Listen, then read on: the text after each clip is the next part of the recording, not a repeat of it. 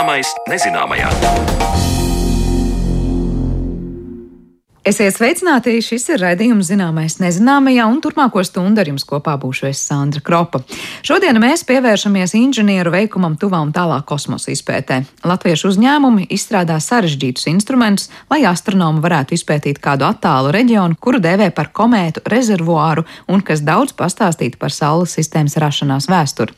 Par orta mākoņu izpēti un to, kā top sarežģīti instrumenti komētu pārtveršanai, par to runāsim jau pavisam drīz. Līdz tam uzzināsim, kā tepat Latvijā to piekārtas, kuras noderēs gan starptautiskajai kosmosa misijai, gan pirmajai cilvēku bāzes stacijai uz mēnesi. Latviju mēs parasti nesaucam par kosmosa industrijas lielvalsti, tomēr pamazām arī šajā nozarē esam sākuši spērt nozīmīgus soļus. Vietējais uzņēmums Alaterm ir radījis ksenonu sūkni, kas nodrošinātu degvielu kosmosa stacijai. Šādu staciju jau pēc dažiem gadiem plānots palaist mēnesi orbītā. Kāds ir bijis Latvijas ceļš līdz ksenona sūkņa izstrādēji un cik nozīmīgs tas būs kosmosa staciju darbībā, par to interesējās Mariona Baltkalne. Cilvēki, kuri cīnās par to, lai Latvijas kosmosa industrija attīstītos, ir savas jomas entuziasti un deg par to, ko viņi dara. Tā mūsu sarunā atklāja Artis Leilands, Sija Allatarm projektu inženieris. Pateicoties šādu entuziastisku cilvēku atbalstam un nenoliedzami savam darbam, uzņēmums Allaterm jau spējis pierādīt savu varēšanu kosmosa industrijā, un tuvākajos gados par tā paveikto mēs noteikti dzirdēsim vēl. Alaterm ir uzņēmums, kas galvenokārt izstrādā iekārtas siltuma aizvadīšanai prom no siltumavotiem, piemēram, datu centru serveriem. 2015. gadā Alaterm dibinājuši divi studiju laika draugi Igors Ušakovs un Donats Miškinis, un viņi interesējušies par to, kā zināšanas par kosmosa industriju pārvērst praktiski pielietojamos produktos. Šo gadu laikā Allaterm ir paplašinājies un ir gatavs šādu praktiski lietojamu produktu piedāvāt.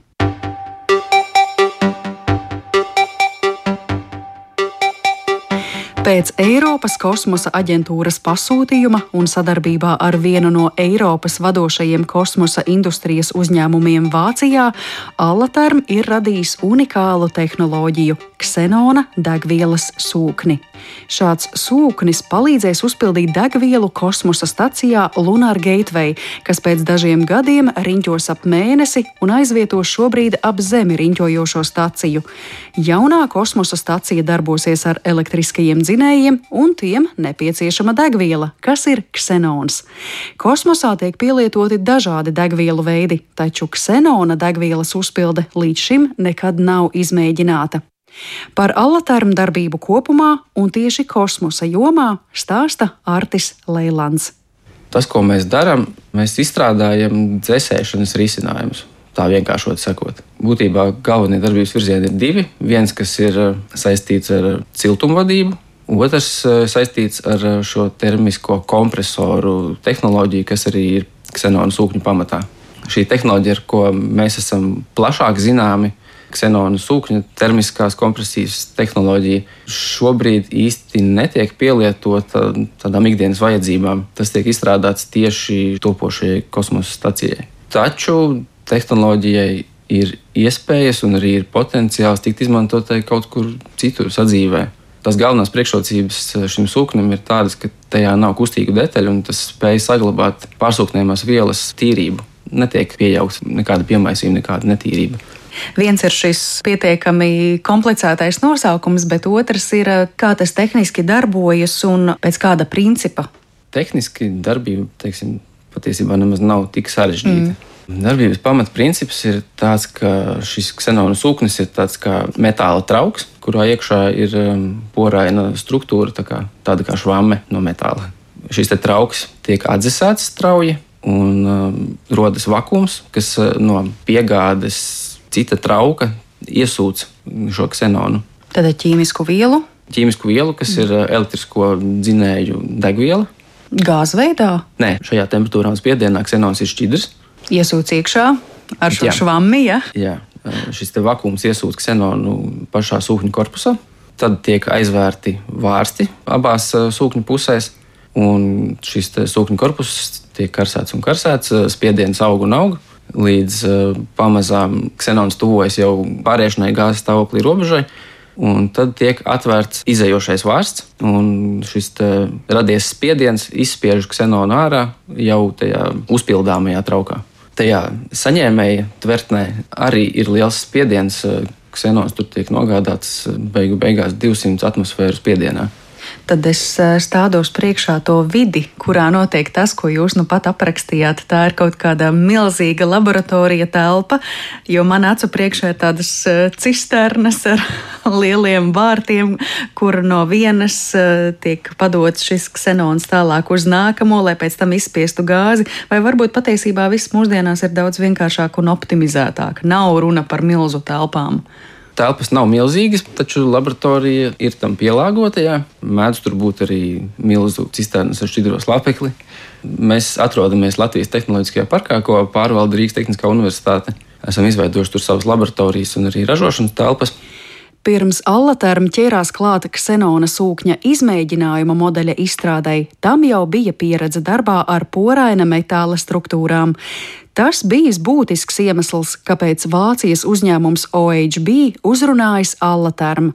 Latvijas uzņēmuma tehnoloģijā saskatīts potenciāls un ksenona sūkņa ideja pētīta tālāk.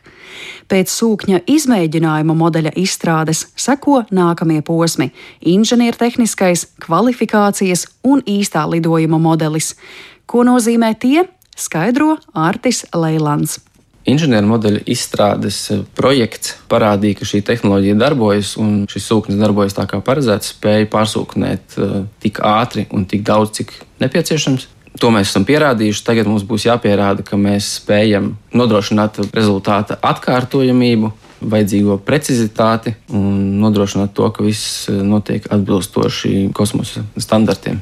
Kvalifikācijas modelis tas ir kā ģenerāla mēģinājums pirms īstā lidojuma modeļa jau kvalifikācijas modeļa ražošanā visam ir jābūt tā, kā tas būs īstenībā. Tiek pārbaudīts, ka viss notiek atbilstoši procedūrām un standartiem, un nekāda pārsteiguma nav gaidāma.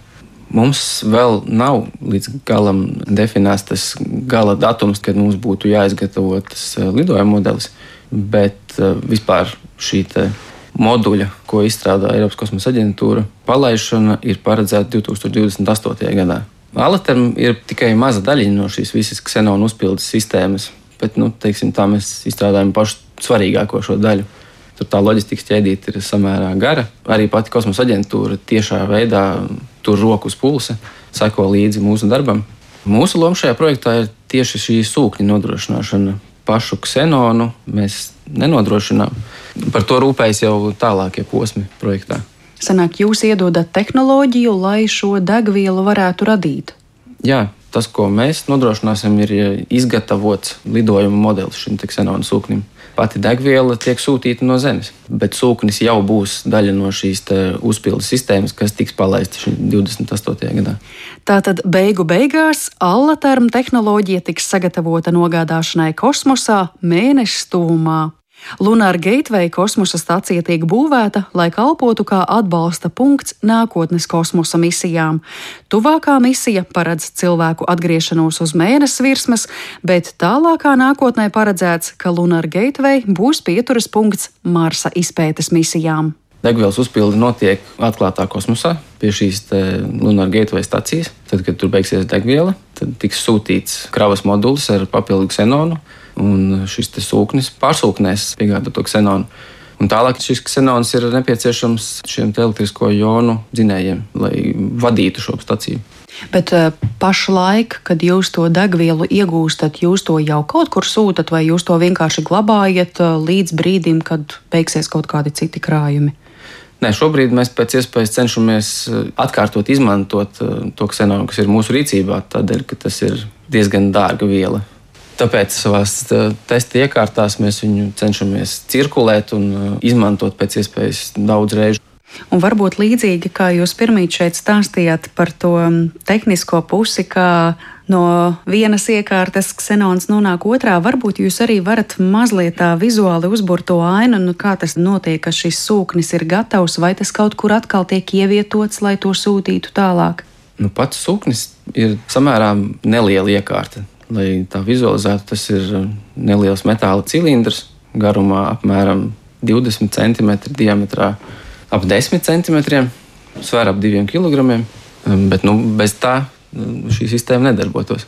Tad, kad mēs izgatavosim šo lidojumu modeli, tas tiks nogādāts Vācijā, kur arī tiks komplektēta un uzstādīta šī visa lielā ksenona uzpildes sistēma. Un kā tas varētu izskatīties? Nu, cik ir dzirdēts, tad tas aizņem nu, diezgan lielu telpu ar uh, ievērojamu garumu caurulīšu un citu iekārtu. Šis mūsu sūknis spēs darboties, um, es domāju, ka vairākas uzpildes reizes. Vienā piegājienā tiek piegādāts vairākas tonnas uh, šī ksenona. Cik liels būs pieprasījums pēc tieši šiem ksenona sūkņiem, uh, šobrīd grūti prognozēt. Bet šo te tehnoloģiju ir iespējams izmantot arī citu kosmisko objektu degvielas uzpildīšanai. Šobrīd vēl tāda funkcionalitāte īsti nav paredzēta, taču jau tiek izstrādāti standarti, un uh, dažos satelītos tiek iestrādātas jau iespējas papildināt degvielu. Tātad runa varētu būt ne tikai par mēnesi, bet arī par citām vietām, citām orbitālajām stācijām. Jā, nu, atkarībā no darba vielas, bet uh, vispār šos sūkņus var izmantot arī satelītu uzpildīšanai, satelītu degvielas uzpildīšanai. Tas nozīmē, ka pateicoties Allaterm tehnoloģijai, gan kosmosa stacija, gan arī satelīti varēs ilgāk pildīt savu misiju, jo tos būs iespējams atkārtoti uzpildīt ar degvielu. Un šis noteikti būs mazās Latvijas milzīgais lēciens kosmosa industrijā.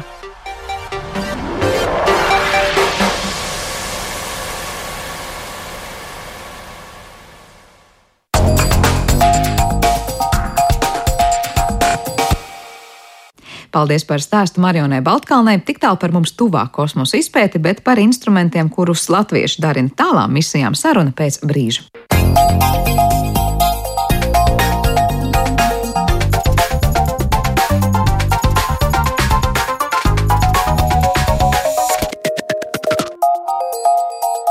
Zināmais nezināmajā. Nesen raidījumā atskatījāmies uz pagājušā gada notikumiem kosmosa jomā un daudz runājām par lielām misijām tepat Saules sistēmām. Taču šodien pievērsīsimies tālāk kosmosa izpētē. Konkrētāk parunāsim par to, kā mūsu pašmāju pētnieki palīdz tapt svarīgiem instrumentiem, kas ļaus iepazīt komētas noslēpumainā orta mākonī. Par to, kas tur īsti notiek un kas notiks, mēs šodien vairāk runāsim ar mūsu studijas viesu Tartu Universitātes asociēto profesoru Andris Lavīnskis. Sveiks, Andri! Sveiki! Un arī telefoniski mums pievienojas Vēnspils augstskolas lektors un uzņēmumu Bitlake eh, tehnoloģijas līdzdibinātājs Jānis Šāte. Labdien! Sveiki! Nu, ko sākšu vispirms ar to, par ko ir stāsts. Varbūt tā Andri atgādina, kas ir šis sorta mākonis, ko es saprotu pēc kaut kādiem vairākiem gadiem vai pat desmit gadiem pētījis tādas misiju kā Comet Interceptor. Pastāsti, kas ir kas un kāds ir tas lielais mērķis un sapnis, uz kuru virzīties. Un tad nonāksim līdz tam, kādas soļus tajā speram arī. Jāsaka, gan šeit uz vietas, gan arī mūsu kaimiņu valstīs. Jā, paldies uh, par uzaicinājumu runāt šeit. Uh, mums ļoti interesanti par šo pastāstīt, jo Kometa Interceptor ir Eiropas kosmosa aģentūras misija. Un, tāda misija salīdzinās ar Moroseta misiju, kas devās uz komētu 67P. Un, nu, šitais nākošais solis tajā izpētē, tā misija izskatās pavisam citādāk. Nu, tas tulkojas kā komēta tvērējs vai kā komēta pārtvērējs. Plāns ir nodot garām tādai komētai, kura nāk pirmo reizi no epika orta mārkoņa. Un es pielieku epika, jo tas ir viens veids, kā saukt to mākoni. Un epiks ir nu, Igauniju astronoms, kurš viens no pirmajiem, kurš ierosināja, ka tāds mākslinieks eksistē. Un mēs arī savu instrumentu nosaucām OPIK, pateicoties epi, Ernsta epikā ieguldījumam. Bet par to pašu orta mākoni runājot, kāpēc tas ir kaut kas varbūt nu, prātām neaptverams vai unikāls vai ļoti vērā ņemams? Es pareizi saprotu, ka tā ir vieta, kur iespējams ir saglabājusies nu, Saules sistēma tajā vissenākajā formā, tā var teikt. Nu jā, ja mēs domājam par uh, Saules sistēmas rašanos un vispār nu, visu attīstību, tad ir uh, tas, kas notiek šeit tuvu Saulē. Mēs redzam, nu, piemēram, uz Zemes ir šķidrs ūdens. Tas nozīmē, ka te ir gan silts, mēs saņemam no Saules gan daudz uh, siltumu un citu veidu radiāciju, lai šeit eksistētu šķidrs ūdens. Bet ir tāda tāds attālums, aiz kura vairs šķidrs ūdens neeksistē. Un tad, jo mēs ejam tālāk, jo mazāk visādi procesi ir ietekmējuši tos objektus tur. Un mēs aizējām uh, līdz Kuipera joslai, un uh, tad tur jau ir diezgan tādi nu, sena, seni objekti, bet tik un tā viņi var būt kaut kur nesen izsviesti tur vai kā. Un tad, ja mēs gribam redzēt kaut ko tiešām, tiešām senu no Saules sistēmas rašanās, tad mums jāiet uh, uz epikorta mākoni, uh, kur tie objekti ir saglabājušies visi tādā sākotnējā formā. Un cik tālu, ja tā noteikti var teikt, tas atrodas, ja mēs iedomājamies ka šo te kuiparu joslu un tās pašas, pašas var teikt, nu jau saules sistēmas, nu tās gala, gala posms, ja tā var iedomāties, kā mēs parasti zīmējam šīs planētas, tad uh, kur būs orta mākonis? Jā, nu tātad kuiparu josla nāktu pēc. Uh, Plutona, kas ir 30 astronomiskās vienības. Nu, tad tas būtu tas gals, par ko mēs šobrīd runājam, bet orta mākonis. Nu jā, tur jau mēs runājam par attālumu, kurš ir uh, simtiem un pat tūkstošiem reižu lielāks nekā Zeme ir attālumā no Saules. To mēs saucam par astronomisko vienību. Jā, tā kā nu, attālums tiešām ir ievērojams. Lai to visu pētītu, un Andri tur šeit teica, ieraudzītu, jautājums, cik ļoti vispār tur ir iespēja kaut ko ieraudzīt, un tad, kad ierauga, kā tas viss izskatās un kas ir tas, kas pavērs pētnieku acīm. Es saprotu, te dažādu jomu zinātnieki sanāk kopā un eksperti, un tas nav tā kā skatāmies naktsniekajās debesīs un kaut ko pētām. Vispirms par to, ar kādiem instrumentiem un ko gribas ieraudzīt tur. Jā, pirmkārt, jau es gribu pateikt par to, kā šī misija atšķirās no Rosetta misijas. Rosetta misijas laikā tas kosmosa kuģis diezgan ilgi uzturējās komētas tūmā, Savukārt, komēta interceptora laikā mēs tikai dažas minūtes būsim komētas tūmā. Tas savukārt saistīts ar tiem saucamiem orbitāliem elementiem, ar orbītas formu. Un tikai viena tāda iespēja ir nolidot garām komēta interceptora komētai, tā, tā nāk no tā liela attāluma. Un tāpēc tā misija ir ļoti fokusēta uz tām dažām ļoti svarīgām minūtēm, kurā ir jā, jāveic mērījumi, jāuzņem attēli, jāmēr, jāmēr magnētiskais lauks, elektriskie lauki, das, tās putekļu daļiņas ir jāmēra un dažādas, dažādu molekulu izmērus var mērīt. Tie visi instrumenti darbosies vienlaicīgi un pie tam uz ne tikai ar vienu kosmisko kuģi, bet ar galveno kuģi un divām zondēm, kuras nolidos tuvāk komētai. Un tas tiek darīts, lai mēs būtu tuvāk un varētu uzņemt nu, labākus datus vai arī nu, citādākus datus, bet tas ir riskanti. Un mēs, piemēram, to pašu opika instrumentu izstrādājam tā, ar tādu domu, ka nu, vienā brīdī misijas laikā tas periskops tiks uh, iznīcināts, tur pietrieksies uh, putekļu daļiņa un periskops saplīsīs. Bet šobrīd tā galvenā ideja ir tāda, ka es saprotu, nu, diezgan ilgs būs laiks, kamēr aizlidos līdz tai vietai. Tad tās dažas minūtes tikai strādās, strādās šis te opika instruments, gan nu, tur citi instrumenti, kas būs jau uz, uz vietas, ja tā var teikt. Un beig beigās tas opika instruments tiks sabojāts, jā, un tas, tas ir misijas ietveros.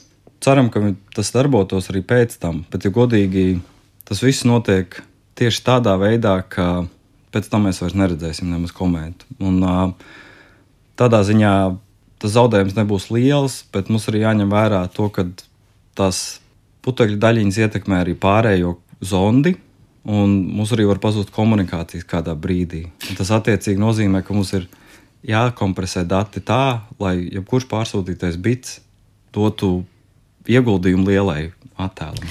Jā, cik liels izaicinājums tas ir tehnoloģiju pusē? Es vēlos arī vaicāt Jānim, Jāni, kādas šobrīd ir tā jūsu iesaiste šī instrumenta radīšanā un kas ir tie lielākie izaicinājumi, ar ko saskaraties?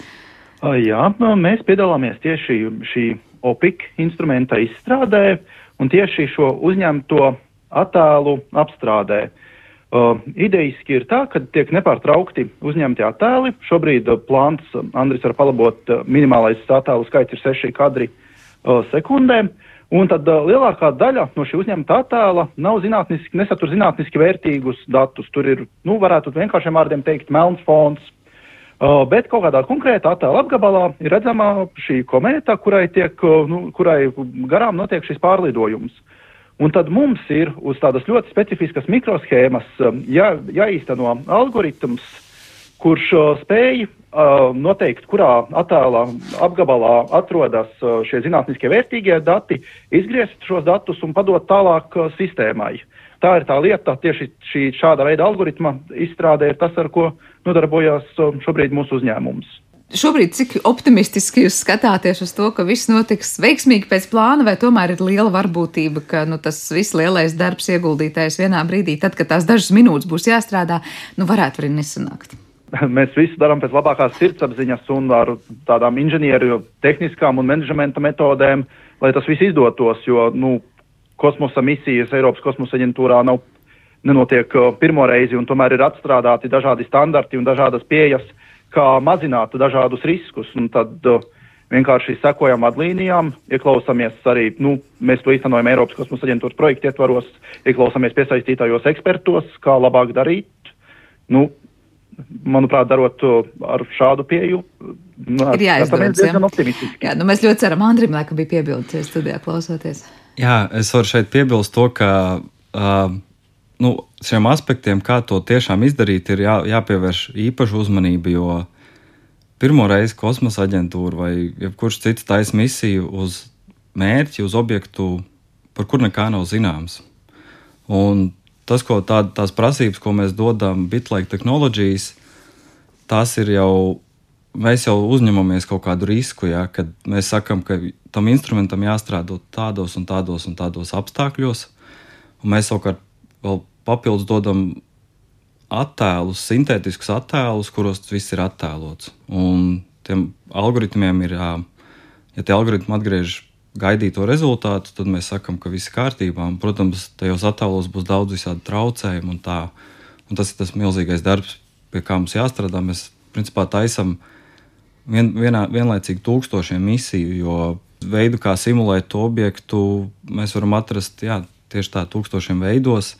Tas viss tiek darīts ar 3D modelēšanu. Un kaut kas tāds, piemēram, nu, pirmkārt, atrast tādu objektu pirms desmit gadiem nebūtu iespējama. Un arī 3D rīki tikai tad attīstījās tādā līmenī, ka mēs tos šobrīd varam rīku uh, lietot. Bet tie, kas tiek, tas, kas tiek modelēts tajā 3D vidē, šobrīd tas ir, var teikt, tāds tā kā treniņš, uz ko jūs saprotat, nu, ko tur sagaidīt, vai kā, ka, ko jūs modelējat šobrīd tajā 3D vidē.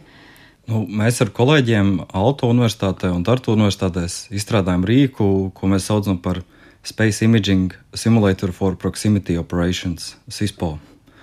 Un tas ir bāzēts uz pieejamu 3D modelēšanas rīku. Un mēs, mans kolēģis Mikls Pajusalu, ieviesa nu, tādu sistēmu, kurš izmanto to pamatdzinēju priekš 3D modelēšanas, bet mēs varam taisīt kosmiskās ainas. Un, piemēram, nu, mēs esam strādājuši ar asteroīdiem jau iepriekš, un tagad mēs sākam strādāt ar komētām. Un, kamēr es biju Alto universitātē, strādāju ar pēcdoktorantu, kurš uztaisīja putekļu un gāzu simulāciju, un mēs viņu salīdzinājām ar 67P komētu. Un to redzēt Space Travel blogu, ka tās trīs attēli, nu, mums, mēs tur salīdzinām divus simulēšanas rīkus un īsto attēlu. Un, un tie, tie attēli ļoti līdzīgi, arī tie 3D modeļu radītie attēli ļoti līdzīgi. Un Bet tas, tas mums dod cerības, ka jā. mēs varam radīt nu, ļoti dažādus, ja mēs varam attēlot kaut ko, kas īstenībā eksistē, tad mēs varam radīt nu, nebeidzam daudz dažādus variantus. Kas mūs ierobežo, ir vienkārši ģenerē, to attēlu ģenerēšana, kam vajag izmantot spēcīgus grafiskos procesorus. Bet informācija par to, kādam ir jābūt tam objektam, ko jūs tur ģenerēsiet un veidosiet 3D vidē, ir pietiekoša, lai neteiktu, ka tā ir jūsu fantāzija par to, kā tur kas izskatās. Tas, ko mēs zinām par epikortu mākoni, ir uh, ka komētas nāk no turienes. Un, attiecīgi, mēs zinām, kāda tipa objekti nāk no turienes. Tagad nu, tie paši zinātnieki, kurus minēju iepriekš, uh, viņi izmanto lielus teleskopus uz Zemes, lai atrastu tādus objektus. Un, protams, tur detalizēti nevar redzēt tieši, uh, kā tas objekts izstāsta, bet ļoti daudz par tā izmēriem, tādiem par to kopainu var uzzināt. Un, uh, tad tādā brīdī jau, kad notiks pats nolidojums, kometa interceptora nolidojums, tajā brīdī jau tas objekts būs diezgan pētīts. Bet šobrīd, kamēr mēs izstrādājam, mēs joprojām strādājam ar objektiem, kur izmēri var atšķirties pa kārtu no 1 km līdz 10 km. Un, savukārt tā putekļu un gāzu aktivitāte arī var, ar, var atšķirties ļoti uh, dramatiski. Un vienā gadījumā mēs kāda daļiņa trāpīs pat to periskopu, bet citā gadījumā nekas varbūt nenotiks. Uh, savukārt Jānim arī jautājums, vai pirmkārt ir vēl ko piebilst pie tikko dzirdētā, un, un es gribēju vaicāt par to, kas ir tie galvenie jautājumi, uz kuriem centīsies tajās dažās minūtēs atbildēt jūsu nu, izstrādātā programmatūra, par ko jūs esat konkrēti atbildīgs, vai tas ir kā tas izskatās, nu, kādi apstākļi tur valda vai kā? Ne, mūsu šī atbildība ir prioritizēt tos zinātniski vērtīgākos datus, lai pēc tam tālāk viņus nodotu pētniekiem un zinātniekiem. Un jā, un kā jau Andris arī minēja, tas tiešām ir vislielākais izaicinājums, kad me, nav jau zināms, kā tieši šis objekts izskatīsies, un mēs paļaujamies uz šiem uh, sintēzētajiem datiem, un tas arī ir tas, kas mums brīžiem komandā rada satraukumus, kad uz esošajiem datiem strādā, bet, piemēram, ja objekts pēkšņi būtu tomēr citādas formas nekā ir šajos mūsu attēlos, kurus mēs izmantojam testiem, laboratorijas apstākļos, tad varbūt mūsu algoritms nemaz nestrādātu tā, kā vajadzētu. Un par to tās ir jā, galvenās bažas. Jā, tas būtu diezgan sāpīgi atklāt ko tādu tajā brīdī, kad tajās dažās minūtēs tie darbi ir jāveic. Bet eh, kas ir tas, es nezinu, kaut kas revolucionārais, ko jūs savā tehnoloģijā izmantojat, lai prioritizētu šos datus un, un tālāk varētu iegūt un strādāt jau ar konkrētu to apjomu? Vai jūs paredzat, ka tā ir kāda tehnoloģija, kas pēc tam nu, radīs kaut kādu atkal pavisam citu pielietojumu šeit pat uz Zemes un būs kaut kas ļoti, ļoti visiem derīgs un vajadzīgs? O. Mēģināšu ieskicēt to kopējo problēmu, kāda mums ir. Tad pēc būtības uh, ir tā, ka uh, visa šī datu apstrāde notiek ļoti specifiskā mikroshēmā, kas ir nu, salīdzinoši maza izmēra, nu, tā aptuveni īkšķa naga lielumā, bet šīs algoritms, kas tur jāīsteno, ir pietiekami sarežģīts. Uh, ja, šā, ja šāda problēma būtu uz zemes apstākļos, visticamāk izmantotu kādus uz mašīnu mācīšanos balstītus algoritmus kas mūsdienās ir populāri dažādu objektu klasifikācijai un tam līdzīgi. Bet tas, kas ir mūsu izaicinājums, ir tas, ka ir ļoti ierobežoti resursi.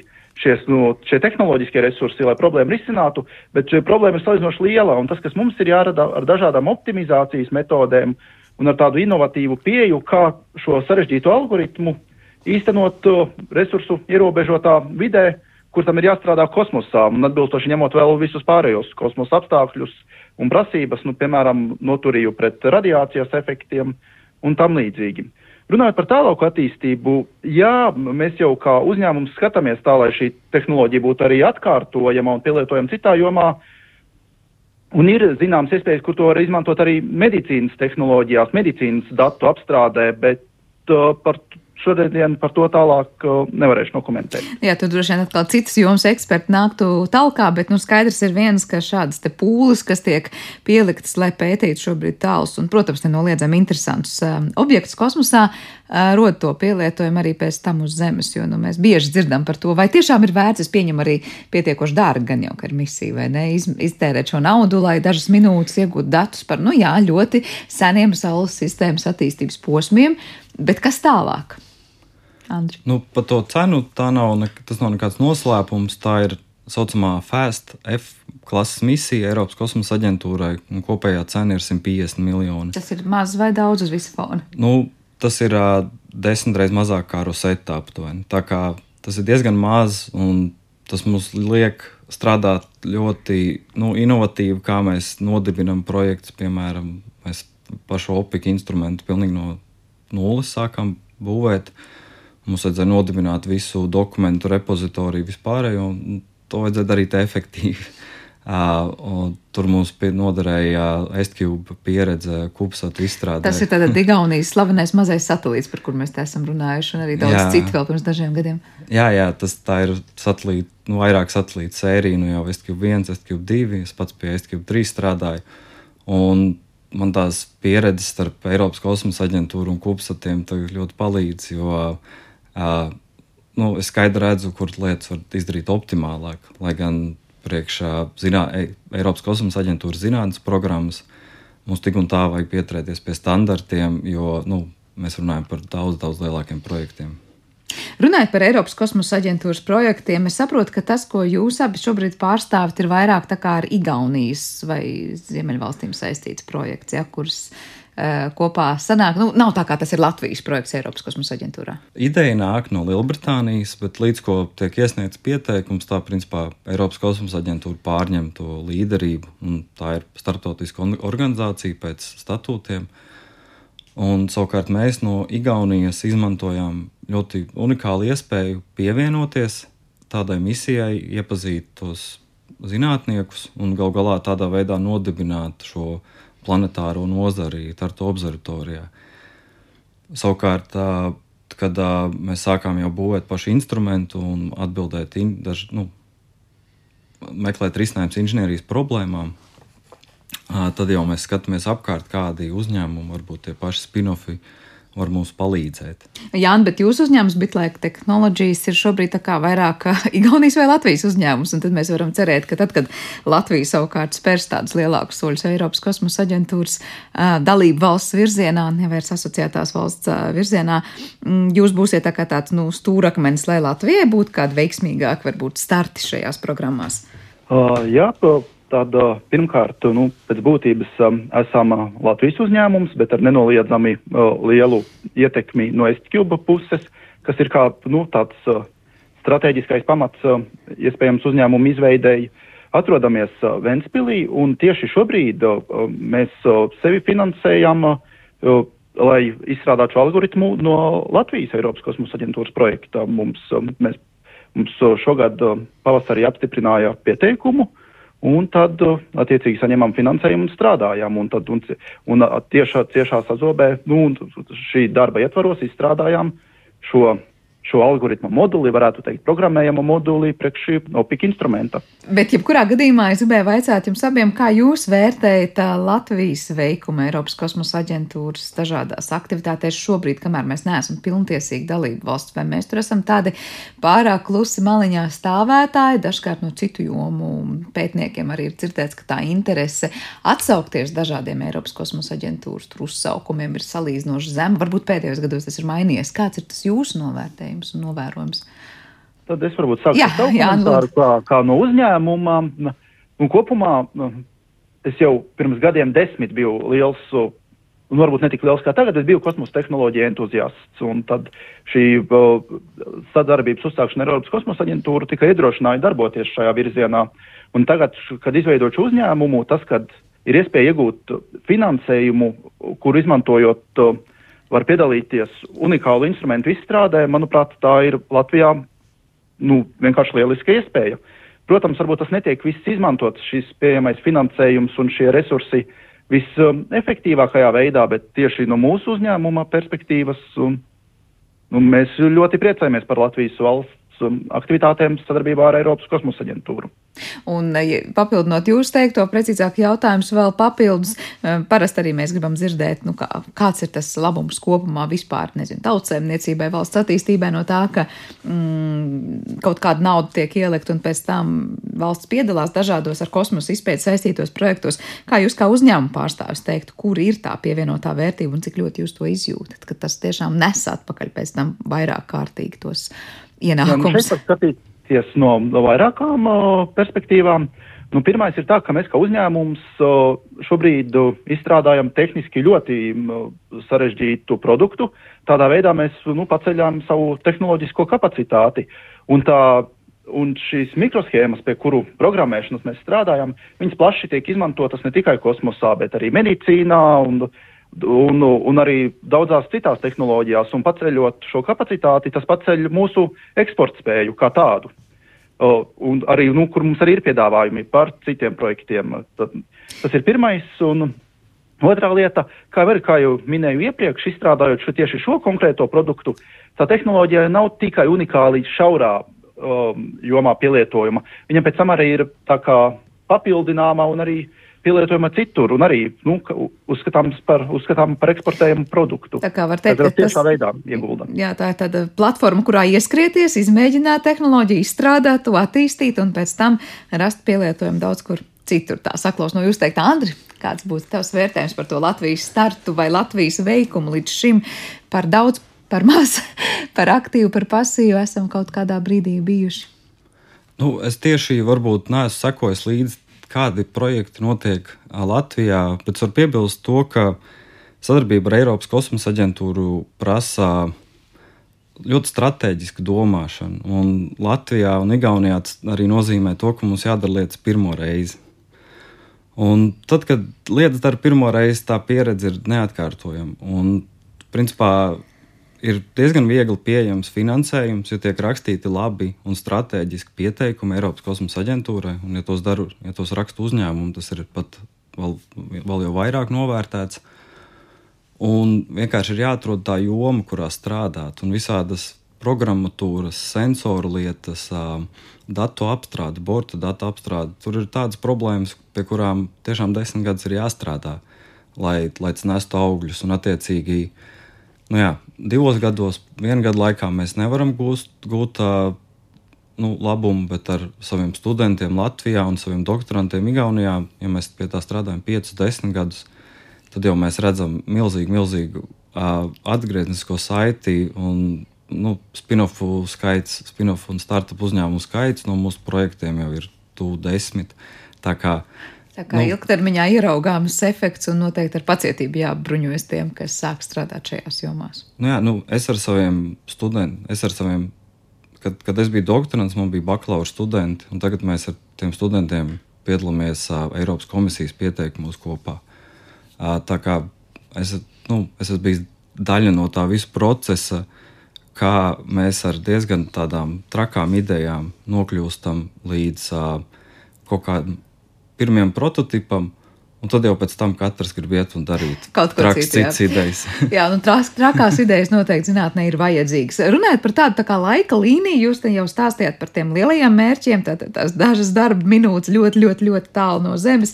Tas ir tas, uz ko jūs virzāties, bet Kur jūs šobrīd atrodaties, kad ir tie atskaites punkti? Nu, tad, kad pirmkārt tā, tās minūtes būs paredzētas, ka tas strādās, un kur jūs esat šobrīd ar šo instrumentu? Vai tas ir prototyps, vai tas vēl pat nav prototyps? Jā, nu, es uzreiz pateikšu, ka darbs ar programmatūru ir sācies pēdējais, pirms kāda nu, gada, varbūt tā ļoti nopietni tas sākās. Tur arī tie, tie projekti, ko arī uh, Latvijas dalība Eiropas kosmosa aģentūrā ir atbalstījusi. Es, es pats biju kādu gadu prom no šī instrumenta.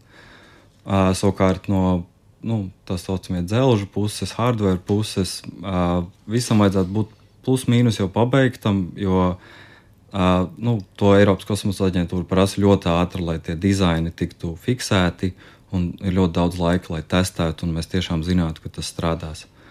Palaišana ir plānota 2029. gadā, tā kā mums vēl garš ceļš priekšā, lai to visu testētu un kvalificētu. Un palaidīs kopā ar Arielu uh, eksoplanētu, citplanētu teleskopu. Un, attiecīgi, ja arī grafiks mainīsies, tad arī kometa interceptoru grafiks mainīsies.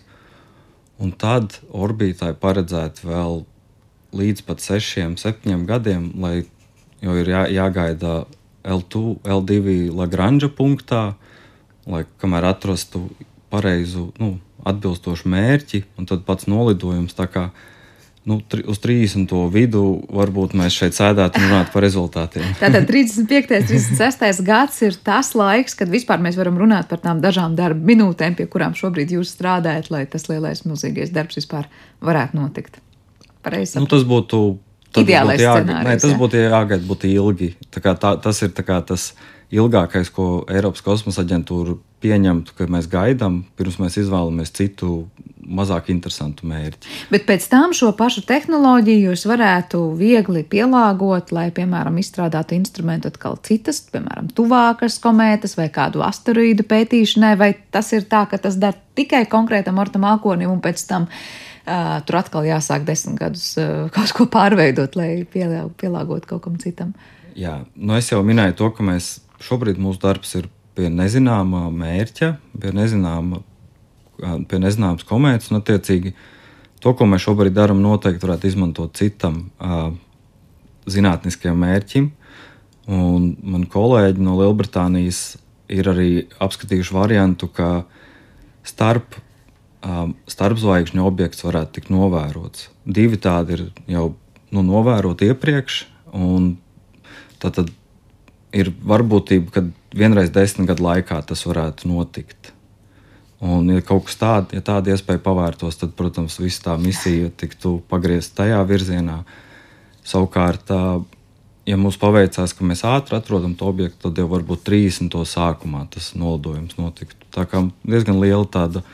Uh, ar, ar, ar lieliem, nu, kā lai saka, margin of error jāstrādā.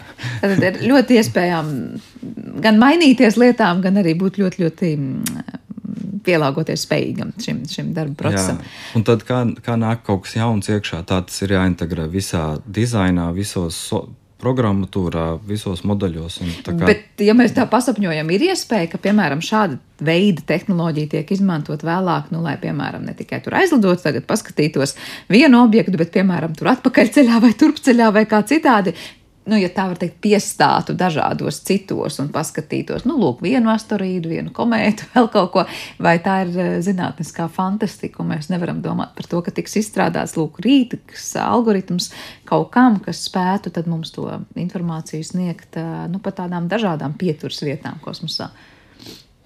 Nu, noteikti tā, tā nav Eiropas kosmosa aģentūras politika, ka tagad to misiju varētu izmantot citur. Bet uh, nu, ir skaidrs, ka to varētu izmantot arī citiem mērķiem. Savukārt, vairāk no SQB puses mēs esam strādājuši pie multiasteroidu touring misijas koncepta, kas tieši paredz to, ka kubsati veiktu nolidojumus gar asteroīdiem, un tad mēs varētu pētīt uh, simtiem asteroīdus. Savukārt, tas tādēļ mums, ja mēs to gribam darīt, mums ir jāizmaina veids, kā tehnoloģijas tiek izstrādātas un kā mēs operējam satelītus. Tur nāk iekšā ļoti daudz jaunas uh, uh, borta programmatūras. Tagad gan Eiropas kosmosa aģentūra, gan Eiropas Savienība ir ieinteresēta šādu rīku izstrādē, un tas jau iet uz tādām nu, īstiem īstu kodu un īstiem dzelžiem, ar ko varētu vēlāk būt. Bet tas ir mazliet cits stāsts šodien. Jā, jā. jā. Nu, tad noslēdzot Jānim, es vaicāšu, te mēs ieskicējām to ļoti tālo ceļu, kā ir strādāt uzņēmumam no vienas puses. Droši vien ir tas motivējošais faktors, jā, mēs kaut ko darām, rezultātu skatāmies šodien, rīt, parīt un pēc gada, bet te pēkšņi tas lielais mērķis ir tik ļoti tāls. Viena lieta, kad pētnieki ir apbruņojušies ar pacietību, ko tas nozīmē uzņēmumiem un kāda valda tā sajūta strādājot pie šādiem projektiem projektiem? Nu, šeit laikam lielu lomu nospēlē tas, ka gan es, gan uzņēmuma līdzdibinātāja Endija Briede arī jau vēsturiski nākam no pētnieciskām organizācijām. Līdz ar to mums ir tā, nu, tas veido šo deksmi, tā kā darboties un tā kā piedalīties šādam izaicinājumam. Tā kā tas Jums nav ir sveša pacietība un ilgs treniņš.